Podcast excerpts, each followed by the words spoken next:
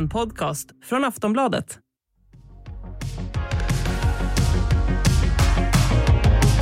Hej My och Lena. Tja. Hej. Eh, My, du är i Österlen och Lena och jag sitter i studion i Stockholm. Kriget i Ukraina går in på sin andra vecka nu när vi spelar in. Människor dör, civila mål bombas. Vi ser bilder på hur föräldrar tar farväl av sina barn som ska tas ut ur Ukraina för att själva stanna kvar och kriga för sitt land. Och stämningen är... Ja, jag vet inte. Hur mår ni? Alltså där. Ja, alltså, det är någon konstig grej att man ändå är väldigt lättad över att själv inte vara direkt indragen. Mm. Så att, då får jag dåligt samvete för det. Mm. Eh, men det är ju fruktansvärt. Sammanfattningsvis. Ja, ja, det är det ju verkligen. Alltså, har ni hamnat i det här ohälsosamma nyhetsknarkandet som jag känner att jag själv är i? Absolut. Jag går upp, uppkopplad hela tiden. Ja. Jag tycker det här med barnen, det, jag blir ju väldigt ledsen för barnens skull. Vuxna kan man ju ändå hantera på ett sätt. Det finns ju liksom andra beslut som vuxna kan ta. De har ju liksom mer självbestämmande rätt. Men jag tycker det är svårt med barnen faktiskt. Ja, det är så mycket bilder som kommer ut nu som är, de, de är svåra att ta in. Ja, det är svårt. Det är svårt.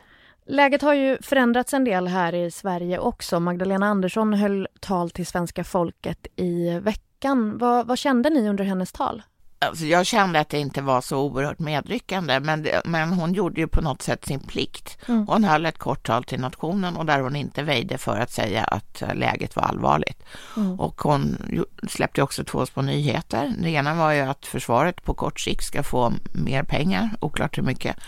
Och sen det här äh, återupplivandet av äh, devisen från andra världskriget, en svensk tiger. Alltså, vi ska inte berätta för någon som vi inte litar supermycket på om vi har sett någonting som kan ha militär betydelse. Ja, precis. Och vad, vad säger det här hon sa om läget vi befinner oss i, My?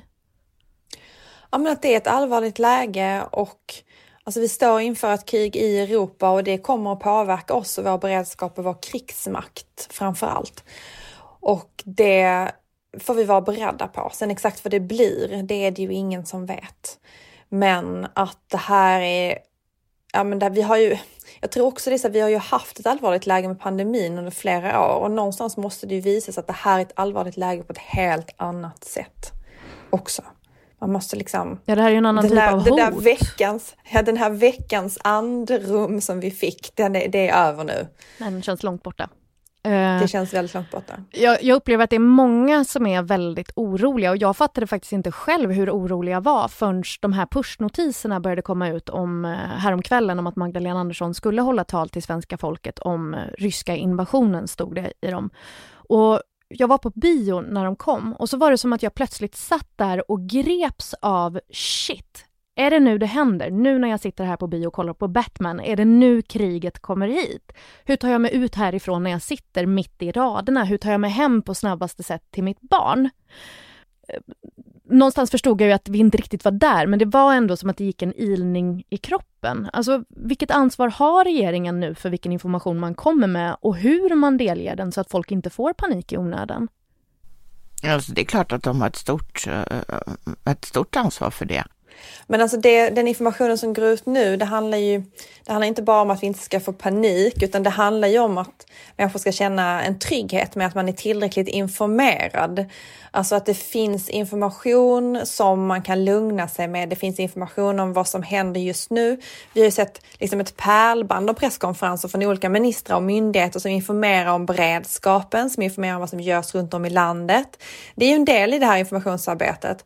Jag har sett flera kommuner som går ut till sina medborgare och informerar om beredskapen i kommunerna. Det kommer ju vara ännu viktigare om det blir en riktig kris, även som liksom spiller över i, liksom i eh, liksom för praktiska konsekvenser även i Sverige. Det är ju vad som händer i din kommun. Hur funkar beredskapen i din kommun där du är? Mm. Eh, liksom, hur funkar flyktingmottagandet? Vad händer i din kommun? Vad kan du göra? Vad vill kommunen göra? Vad vill inte kommunen göra? Eh, så att det är ju den typen av information att ha kunskap är ju alltid att ha makt. Jag tror att det är väl där man lugnas i att det finns mycket information att tillta. Problemet är ju då att regeringen har ändrat sin eh, inställning i en rad frågor, så det kanske inte direkt har haft någon lugnande inverkan. Hur menar du då? Ja, för det första så så inte alls länge sedan som, som, som eh, man återupprepade det här med att Sverige är ett alliansfritt land och det är vi ju såklart på pappret. Men i den här situationen har ju Sverige verkligen inte håll, hållit någon middle of the road hållning utan vi är ju på Ukrainas sida mm. stenhårt. Mm. Vi är jättemycket emot Putin och det är såklart att bara det är ju en risk att, eh, att ta ställning i en sån här konflikt. Då, då utsätter man sig för potentiella hot. Det andra är att från början skulle vi inte ta emot några flyktingar, för det hade vi gjort 2015, så det får räcka med det. Mm. Eh, nu har ju regeringen ändrat sig på den punkten och nu så ska, idag ska ju migrationsministrarna fatta beslut om att, eh, ja, att väcka liv i en gammal EU-regel som har legat vilande eh, i 20 år mm. och som säger då att man, att man, som i det här fallet innebär att ukrainare kan söka söka sig till Sverige och andra EU-länder och stanna här i minst ett år upp till tre år mm. och garanteras sjukvård, tak över huvudet, skolgång för barnen och helst ett jobb. Mm. Och då behöver man inte ens söka uppehållstillstånd eller asyl eller någonting, det är bara att komma.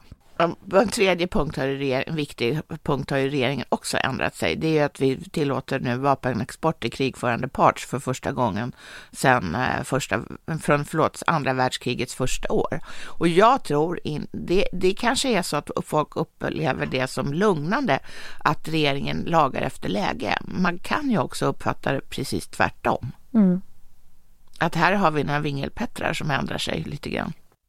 Hur tror du att folk uppfattar det då? Jag hoppas att det är på det första sättet. Mm.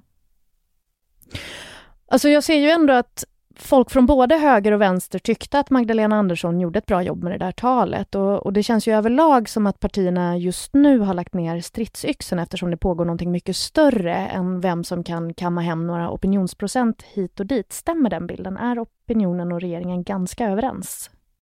Uh, ja, men det har ju varit ett litet undantag där för Vänsterpartiet kanske, men, men mm. i övrigt så, så um, tror jag att både parti, att partierna går lite i takt med sina väljare. Mm. Håller du med om det, My?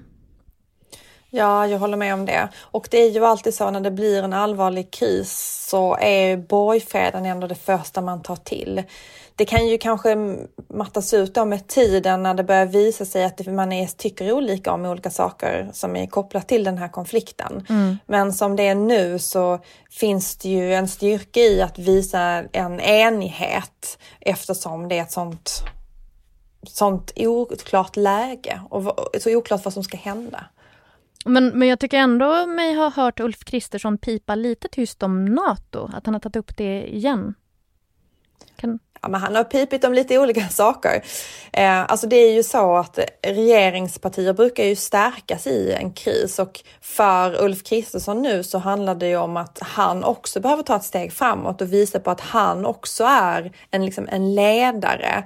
Alltså det är ju inte bara då, han ska ju inte plocka poäng på någonting som är hemskt, men han ska ändå visa att han också har de här egenskaperna för ledarskap och sådär. Mm. Och landsfaderlighet och så. Han, det, det som man kan märka på det är ju att man har sett de senaste dagarna att han så här, gör analyser av läget, föreslår åtgärder. De är ju väldigt lika regeringens, men det finns lite olika förslag som sticker ut. Dels det här med NATO, men där är det också lite mildare nu. Det är ju lite sådär, vi borde varit med, men just nu är kanske inte läge. På lång sikt borde vi gå med i NATO. Mm. Men en sak som jag tänkte på faktiskt, som han, som han inte kunde stå emot och säga, det var ju att det här visar att EU behöver mer kärnkraft. Och jag vet ju inte exakt vad han menar för när han säger EU. Han sa inte Sverige då, för det hade ju blivit konstigt. Men, men jag vet inte vad han tänker då med EU. Tänker han då att Tyskland, som ju är de som har valt att avveckla sin kärnkraft, att han, att han vill vara med och bestämma att Tyskland ska ha, mer, ha en kärnkraftsframtid. Jag vet liksom inte hur han tänker att, att jag tror, att han, han, jag tror att han tänker att äh, vap, det, ga, den ryska gasen är ett vapen i, äh, i Putins händer och att man ska ta, se till att han inte har det vapnet helt enkelt. Att man inte ska förlita sig på den? Liksom. Nej, utan att man ska då ersätta gas förbrukning med kärnkraft. Och det är ju tre, sex länder inom EU som är helt beroende av rysk, äh, import av rysk gas. Ja, men, men så han, om jag förstår det rätt då, så liksom generellt är partierna ganska överens. Folk tar det lite lugnt just nu och sluter upp, men, men Ulf Kristersson piper ändå lite om, om NATO alla är ju överens om att den här ryska gasen, man behöver se över det här beroendet till EU. Men det är inte alla som tycker då, som driver frågan att det behövs mer kärnkraft i EU. Men det är ju för att det är en profilfråga för Moderaterna och det är ett sätt att ändå kunna sticka ut lite här, att kunna ha en lite avvikande position mot regeringen. Ett annat alternativ. Mm. För att det är ju ändå en valrörelse, det ska man ju inte komma ifrån, även om den kanske kommer att det kommer att vara en viss sordi på den här valrörelsen. Ja, det, det känns ju passande ändå. Men jag skulle vilja säga att det är mer intressanta tycker jag faktiskt är att det är även socialdemokratiska röster som nu är, tar upp det här med NATO-medlemskap. Ja. Vad, vad innebär det då? Alltså hur, hur påverkar allt det här NATO-opinionen i Sverige?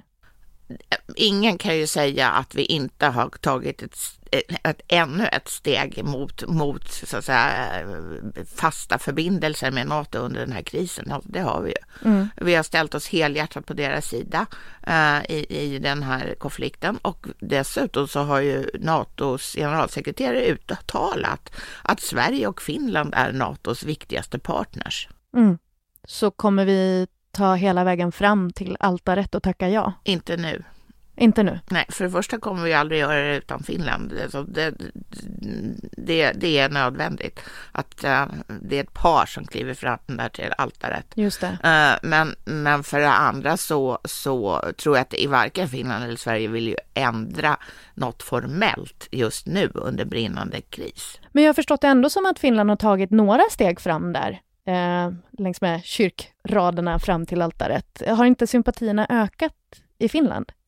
Jo, men det, det, det betyder inte att... Uh, alltså Sanna Marin har väl uttalat sig lite så att säga, svagt positivt, men, men ja, det betyder ju inte att de kommer att göra någonting just nu.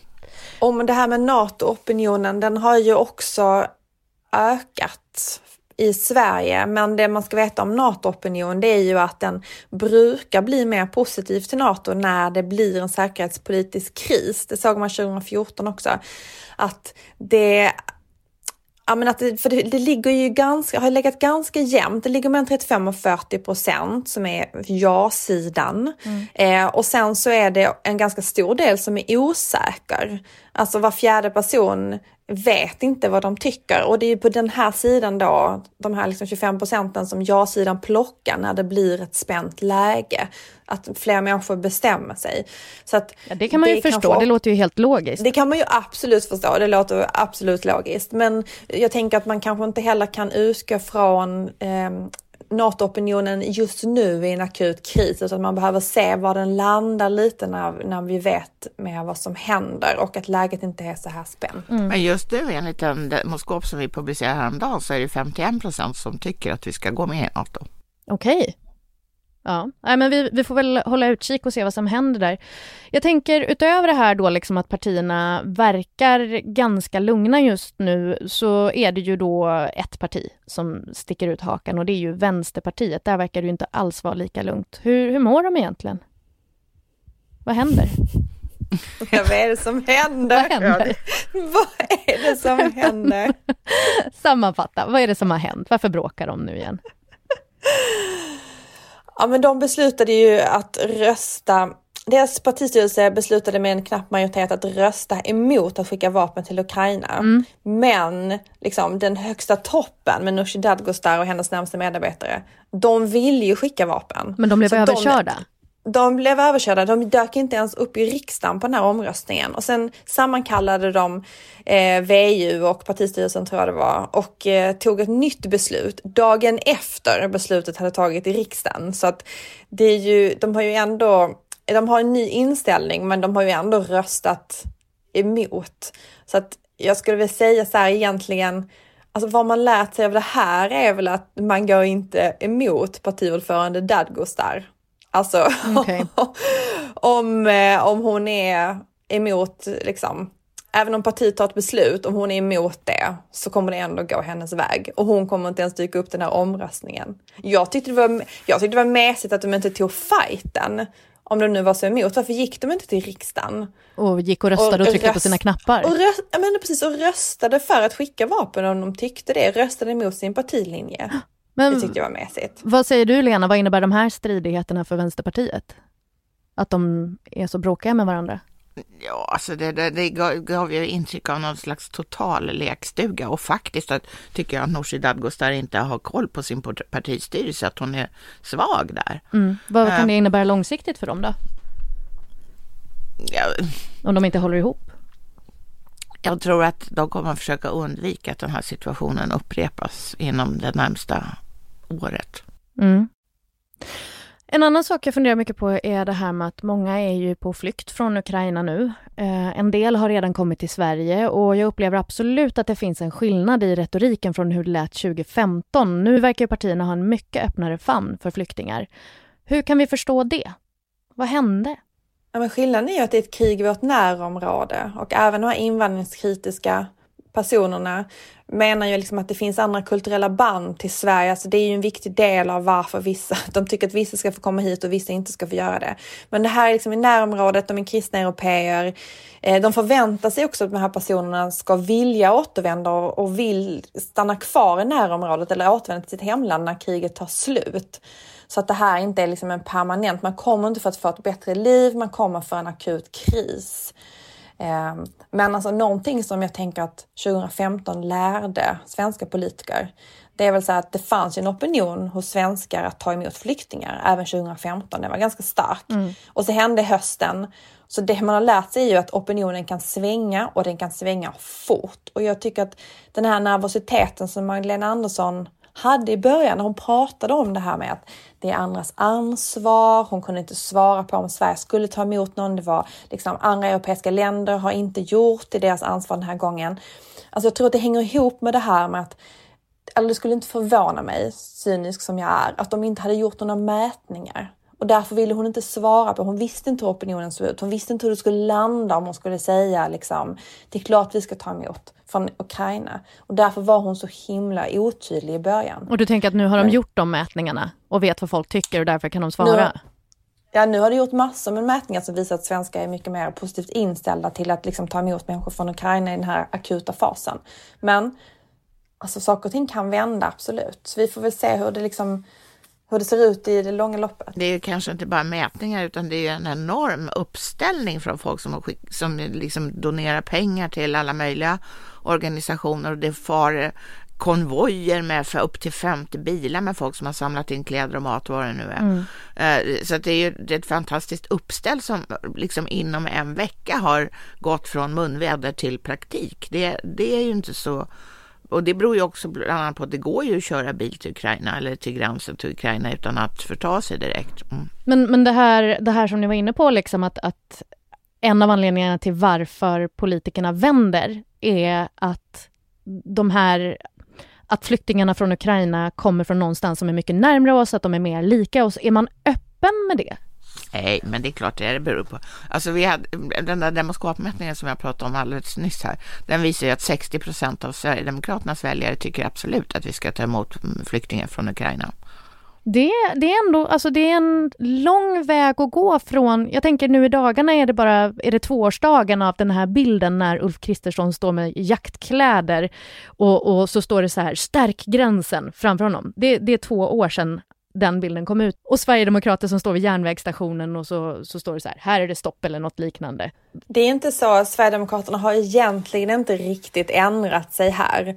Alltså det som är fortsättningen på den där meningen, också att deras väljare till exempel är mer vänligt inställda åt Sverigedemokraterna säger att man ska hjälpa till i närområdet. Det är ju så här, vi ska hjälpa till eh, med flyktingar från Ukraina, men de flesta av dem kommer att stanna i närområdet. De flesta av dem kommer att stanna i Polen eller i liksom andra länder som gränsar till Ukraina. Så att det är väl lite där. Frågan är vad som händer om de inte stannar i Polen utan fortsätter upp genom Polen och kommer till Sverige. Alltså ett större antal. Så att jag tror att det är inte klart än. Det är lätt att vara liksom vänligt inställd eh, när inte så många människor kommer. Men det är klart att man kan notera. Jag har ju noterat nu, jag, nu när jag är i södra Sverige så noterar jag till exempel att det finns ju flera kommuner som har varit otroligt negativa till att ta emot flyktingar. Staffanstorp till exempel, moderat SD-ledd kommun, Sölvesborg SD-ledd kommun, som nu säger att de förbereder sig för mottagande och gör det liksom öppet. Vi måste hjälpa till, det är en akut kris. Så det är klart att det finns en helt annan inställning den här gången. Ja, och något liksom säger väl det ändå? Det räcker. Nå något ja, säger, säger De här 60 procenten av Sverigedemokraternas väljare som sa att de uh, ville ta emot flyktingar från Ukraina, det var ju till Sverige. Ja. Så det, uh, det, är ju alla, det är i alla fall en uttryck för vad deras så att säga, sympatisörer tycker. Kanske, kan, sen kan det säkert vara olika uh, med de som har, sitter på, på högre poster. Mm. För jag upplever ändå att det pågår en diskussion ganska aktivt just nu bland folk om att så här, men varför, varför bryr man sig inte lika mycket när, när liksom, varför har man inte lika stor empati och sympati när, när krigen pågår någon annanstans utan plötsligt när det är nära. Men, men det ni menar är att så här, om jag förstår er rätt, att det är lite det som är anledningen, att det är nära men det är inte det man säger öppet. Nej, det, så upplever jag det och också kanske lite grann att um, alltså Putins idé med, med, med det här med Belarus och Ryssland och Ukraina, det är ju på något vis att de slaviska folken ska, måste befinna sig på samma sida. Mm. Och nu upplever han att Ukraina har svikit denna linje och um, vänt sig mot Europa. Uh, det kan ju också spela in att, att uh, de upplevs just som europeer. Just det, just det. Sen tror jag också att den, den absolut, en av de absolut största skillnaderna här är, det är att man ser det här som ett tillfälligt Alltså att ukrainare kommer inte, de, de, kommer inte för ett bättre liv. De kommer inte att stanna här i samma utsträckning utan det här är liksom en flykt från ett krig och att det kriget kanske förhoppningsvis inte blir så långdraget och då kommer de att återvända till liksom sitt hemland. Mm. Och det är ju en väldigt stor skillnad från de här krigen som det inte syn, i Syrien, det syns ju inget slut. Det syns inget slut på den konflikten. Det syns inget slut på människor som kommer liksom som ekonomiska flyktingar som kommer för ett bättre liv för att de har det dåligt liksom, sina hemländer i olika delar av Afrika och sådär. Så jag tror att det, det finns en ganska stor skillnad i liksom, förutsättningar för en person som kommer hit från Ukraina och en förutsättning av personer som kommer från andra länder. Fast jag skulle vilja säga att eller viljan att återvända till Ukraina måste ju ändå bero på vad som händer. Det är kanske inte alla som vill återvända till ett ockuperat land. Nej, nej absolut. Mm. Det har du rätt, absolut rätt i. Det beror på vad som händer. Mm. Jag utgår bara från att Ukraina kommer att vara ett fritt land när det här är över. Ja, inshallah. Just mm. nu mår folk piss. Inte bara i Ukraina utan även här och det är tufft att ta in allting som händer. Ni som är så härdade nyhetsfolk, har ni något tips till lyssnarna om, om hur man ska förhålla sig till allt det här för att inte helt gå under av sorg? Hur gör ni? Man får gå ut och ta en promenad i vårsolen eller vårvintersolen. Man får vara glad att det har kommit upp lite snödroppar. På sina håll även vintergäck har jag hört. Alltså man får rikta in sig på de små sakerna i, i livet och vara glad åt dem också för att eh, inte drunkna i, den, i ett svart hål. Mm. Hur gör du med? Jag försöker, ja, men alltså, jag försöker hålla det till två gråtpass. det är lite så här på morgonen eh, man läser nyheterna och kanske en gång vid lunch. Och då gäller det liksom att försöka ta in hur det är för barnen och titta på sina egna barn och se liksom min glada tvååring och sen så ser jag bilderna på tvååringar som vinkar hejdå till sina föräldrar. Och liksom, det är ju fruktansvärt och kanske inte hålla på med det hela dagarna. Nej. Men sen tänker jag också så här, det blir ju också ofta bättre om man känner att man får göra någonting. Alltså att man gör någon slags liten insats. Aftonbladet har ju en insamling till Röda Korset till exempel, mm. som man kan hitta på vår sajt. Eh, alltså skänka pengar, det kan ju inte göra allt, men det kanske kan göra någonting. Eh, så att det finns ju saker man kan göra ändå. Och försöka liksom att Ja, jag tror att den här, mycket av den här preppingen som alla håller på med, det är väl en del av det här. Försöka ta kontroll över en situation som man tycker själv att man inte riktigt vet var den kommer landa. Nej. Köp en vevradio.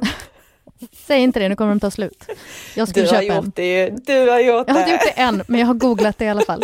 Mitt enda tips är sluta nattskrolla. Scrolla inte på natten, lägg ner telefonen, för man ska inte, när man ligger där ensam liksom, och huset sover och man själv ligger där med telefonen så är det inte en bra idé att nattskrolla. Lägg undan mobilen. Tack My och Lena för den här incheckningen. Tack själv. Vi är tillbaka nästa vecka igen och det här programmet gjordes av producent Olivia Svensson, experter My Råväder och Lena Melin och jag heter Soraya Hashim. Ta hand om er och varandra. Vi hörs snart. Du har lyssnat på en podcast från Aftonbladet. Ansvarig utgivare är Lena K Samuelsson.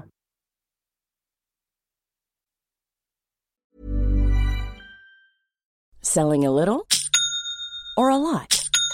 Shopify helps you do your thing however you cha-ching. Shopify is the global commerce platform that helps you sell at every stage of your business. From the launch your online shop stage to the first real life store stage, all the way to the did we just hit a million orders stage. Shopify is there to help you grow. Shopify helps you turn browsers into buyers with the internet's best converting checkout. 36% better on average compared to other leading commerce platforms because businesses that grow grow with Shopify. Get a $1 per month trial period at Shopify.com slash work. shopify.com/work.